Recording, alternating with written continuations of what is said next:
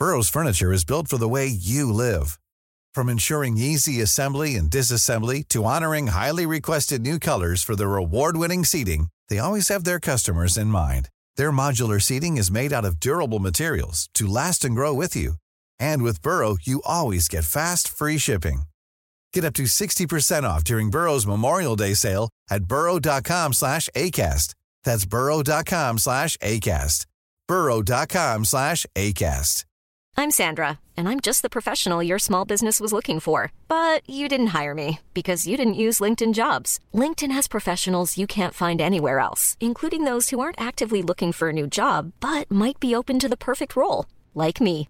In a given month, over 70% of LinkedIn users don't visit other leading job sites. So if you're not looking on LinkedIn, you'll miss out on great candidates like Sandra. Start hiring professionals like a professional. Post your free job on linkedin.com/people slash people today.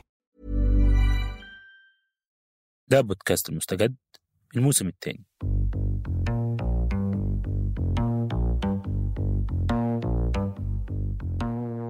هاي الحلقة الثامنة من هالموسم في بودكاست المستجد. بكل أسبوع بنحاول نقدم لكم خبر واحد ونغوص شوي بالتفاصيل. رح نكون معكم أنا لما رباح وهشام إسماعيل والخبر اليوم من العراق. في 9 سبتمبر قررت أمريكا تقلل وجودها العسكري في العراق من حوالي 5200 جندي ل 3000 لحد نهاية الشهر. الإعلان ده جاي بعد تسليم 8 قواعد عسكرية للقوات العراقية خلال الشهور اللي فاتت. مين سلمها للقوات العراقية؟ التحالف. تحالف مين على مين؟ التحالف الدولي بقيادة الولايات المتحدة الأمريكية بيضم 82 بلد وتشكل سنة 2014 ولماذا تشكل؟ عشان يهزم داعش في سوريا والعراق على الحكومة العراقية الالتزام بإنهاء تواجد أي قوات أجنبية في الأراضي العراقية ومنعها من استخدام الأراضي والمياه والأجواء العراقية لأي سبب كان ده كان رئيس مجلس النواب العراقي محمد الحلبوسي بيتكلم في جلسة استثنائية عقدت في يناير 2020 والموضوع كان إنهاء التواجد الأجنبي في العراق ليش انعقدت هاي الجلسة في هالتوقيت بالذات؟ هل الخفض الأخير للوجود العسكري الأجنبي كان استجابة لقرارات هالجلسة الاستثنائية؟ طيب الانسحاب نفسه أو خفض الوجود العسكري قديش استثنائي؟ في كتير عنا أسئلة بس عشان نلاقي إجابات خلينا نرجع للبدايات لمارس آذار عام 2003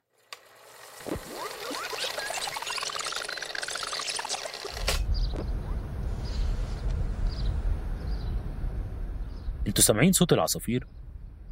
التسجيل ده من فيديو أرشيفي بعنوان القوات الأمريكية تدخل العراق. بنشوف فيه عدد آليات عسكرية ما بتخلصش. بتمشي في شوارع عراقية متتالية ومن واحدة من الآليات العسكرية بيظهر جندي حامل العلم الأمريكي وبيلوح بيه.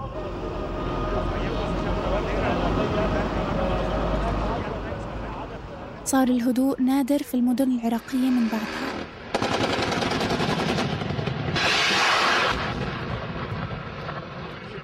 وكانوا الملايين من حوالين العالم وقتها بيسمعوا كلمة الرئيس الأمريكي جورج بوش الابن.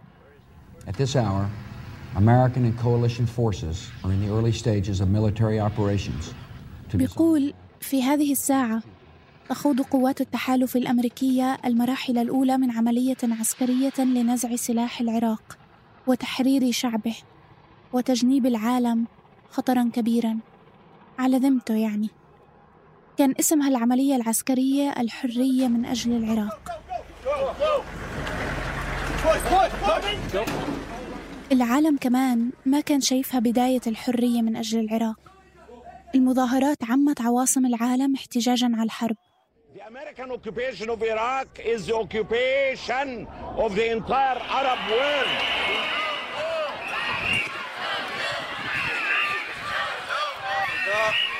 نداء كل أنحاء أمريكا. نقول لها اسحبي جيشك من العراق العظيم. لأن ماكو أي فائدة من بقائك.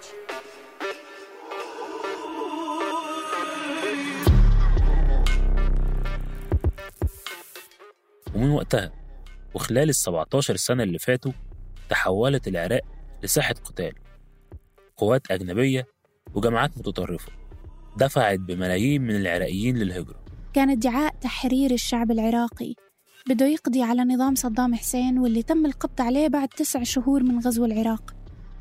واستمر بعده الاحتلال. بال 2007 أعلنت الولايات المتحدة الأمريكية عن تعزيز الأمن في المنطقة. واللي بيشمل إرسال آلاف الجنود الأمريكيين الجدد للعراق. والأمن ما تحققش. كانت انتهاكات الاحتلال الأمريكي بتزيد. حتى إنه صعب نلاقي مصدر دقيق لإحصاء الضحايا العراقيين. ولولا التسريبات وقتها ما كناش عرفنا من جرائم التعذيب في حق الآلاف في سجن بغريب ومع هاي الانتهاكات تكررت حوادث تفخيخ السيارات والتفجيرات وازدياد القواعد العسكرية الأمريكية كمان وكمان. كانت هالدوامة ما بتنتهي. رفضت المؤسسات الحقوقية تبرير الحرب الأمريكية على العراق بإنها تدخل إنساني. ومبررات نزع أسلحة الدمار الشامل واللي كان الادعاء الأول للتدخل بالعراق ثبت إنها كذبة. ولم يعم الأمان ولا الديمقراطية ولا طارت حمامات السلام الموشحة بالأعلام الأمريكية فوق بغداد.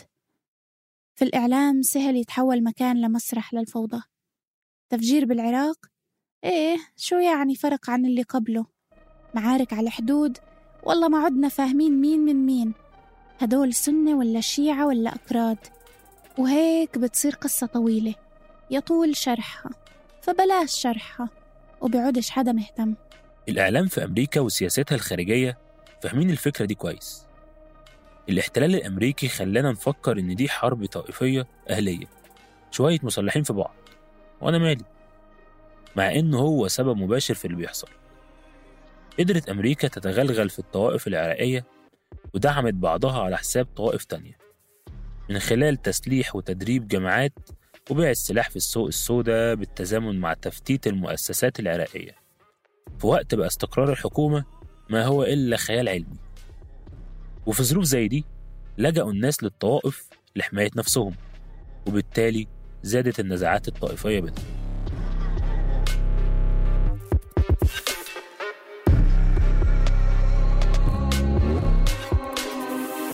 الوجود الأمريكي في العراق ما كانش ثابت طول الوقت. فعبر باراك أوباما في حملته الانتخابية سنة 2008 عن نواياه في سحب القوات الأمريكية من العراق.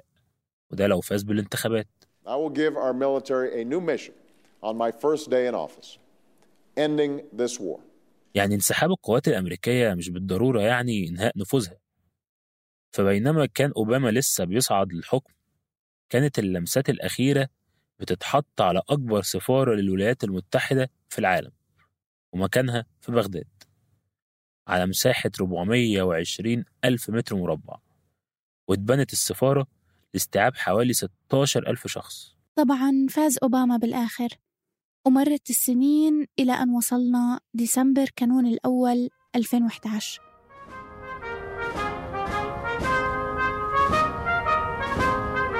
حفل انسحاب القوات الأمريكية من العراق نزل الجنود علم القوات العسكرية وبعدها بثلاث أيام غادر آخر جندي أمريكي العراق Yesterday was no ordinary Saturday for the soldiers in Iraq. It was the last Saturday in Iraq. عبروا الحدود الكويتية واستقبلهم على الطرف الثاني قوات أمريكية وكويتية لكن أمريكا حافظت على وجودها العسكري في قاعدة عين الأسد الجوية في الأنبار. وأوباما وقتها قال إن الأمريكيين هيسيبوا وراهم عراق صاحب سيادة مستقر ومعتمد على نفسه. يعني أخيرا بقى العراق ذو سيادة؟ إحنا بنحكي عن 2011 يعني بنفس السنة اللي تصاعدت فيها الحركات الشعبية في العالم العربي وشفنا تغييرات سياسية وثورات وتغيير حكومات وظهرت جماعات مسلحة وتنظيمات مثل تنظيم داعش اللي قدر يبسط نفوذه في شمال العراق وشمال سوريا. وقعت بعدها عشرات الهجمات بسيارات مفخخة وعبوات ناسفة راح ضحيتها الألاف. وهاي كانت ذريعة أوباما للتدخل العسكري مجددا في العراق. في أغسطس 2014 أعلن أوباما في خطابه عن ضرورة هذا التدخل. وانطلقت بعد الخطاب صافرة لتعلن عن بدء الغارات الجوية.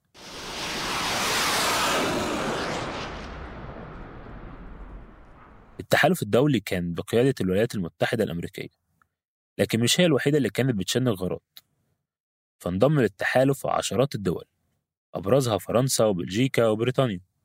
التحالف اللي برر تواجده بالقضاء على داعش اعترف بس بمسؤوليته عن مقتل 1257 مدني في سوريا والعراق بين 2014 ل 2019 الرقم هاد بتشكك فيه جهات حقوقية من البلدين خاصة بعد ما ثبت إنه التحالف بيجرب أسلحة جديدة في مناطق للمدنيين وبستخدمها لأغراض تدريبية وفي كثير أصوات عراقية حذرت من وقوع العراق في هاي الدوامة. يعني محاربة الإرهاب هي ذريعة التحالف الحاضرة دائما. مش بس لقصف الأحياء وتدمير البنى التحتية كمان للسيطرة على الأجواء العراقية والتحكم بعمليات القوات العراقية.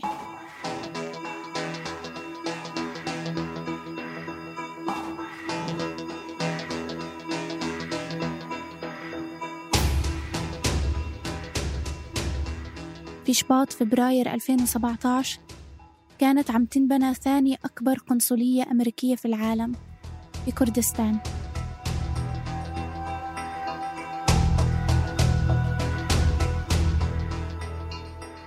كردستان المسألة مرتبطة فقط بالسيطرة على النفط وبسط نفوذها العسكري. بيظهر جزء مهم من الرواية الأمريكية لتبرير وجودها بالعراق. لتكون في المرصاد لإيران العدو الاستراتيجي لأمريكا. وصلنا 2020 في بداية السنة في يناير كنا بنشير أخبار وكمان memes عن بداية الحرب العالمية الثالثة. وده بعد ما سمعنا خبر اغتيال الجنرال الإيراني قاسم سليماني في بغداد. هاي العجلة الثانية. وهذا من بشر محترق لا حول الله يا ربي. هاي مجثة ونتيجة الاغتيال ده حصلت جلسة البرلمان اللي حكينا لكم عنها اللي عقدت للتصويت على قرار يلزم الحكومة العراقية بإنهاء التواجد العسكري الأجنبي خصوصا بعد عدم الحاجة إليه بعد هزيمة داعش. وده من جانب. من جانب تاني كان في كتل برلمانية بتتساءل إيه هو البديل؟ لو ما عندناش اتفاقية أمنية مع الأمريكيين مين اللي هيحفظ الأمن؟ وردا على الاغتيال كمان قصفت إيران قواعد عسكرية أمريكية في العراق. الاغتيال كان فعلا ضربة وموجعة لإيران بس كمان فتح على أمريكا باب التهديدات الإيرانية.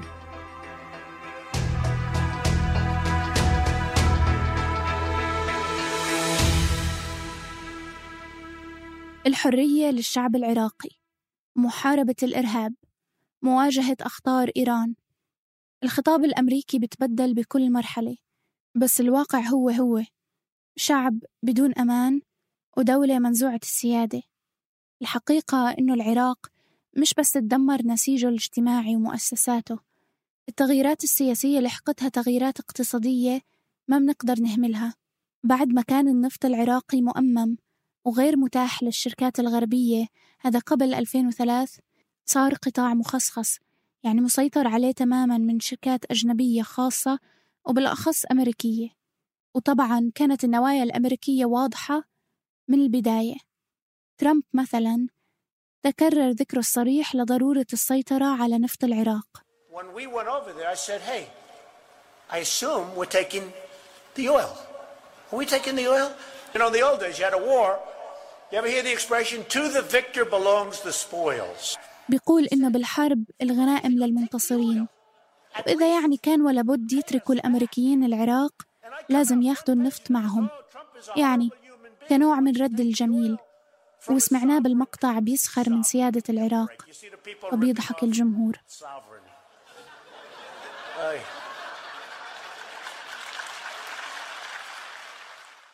موقع العراق الاستراتيجي ومخزون النفط هما سببين كفاية للأطماع دي كلها وبيدفع ثمنها العراق وشعبه الولايات المتحدة حتى لو وعدت بالانسحاب أكتر من مرة كانت كل مرة بتأكد على وجودها طويل الأمد في العراق لكن الولايات المتحدة ما أفصحتش عن الحجم الفعلي لهذا الوجود.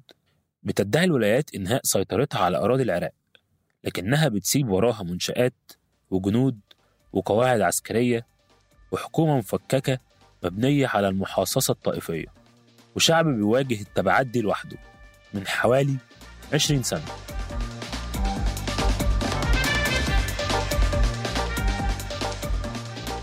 ده بودكاست مستجد. كنت معاكم أنا هشام إسماعيل في التقديم ولما رباح في التقديم والتحرير سارة أبو الرب في الكتابة محمود خواجة في البحث وتيسير قباني في الإخراج الصوتي. ما تنسوش تشتركوا في قناة بودكاست المستجد على منصة البودكاست اللي بتفضلوها عشان تتابعوا حلقاتنا اللي جاية.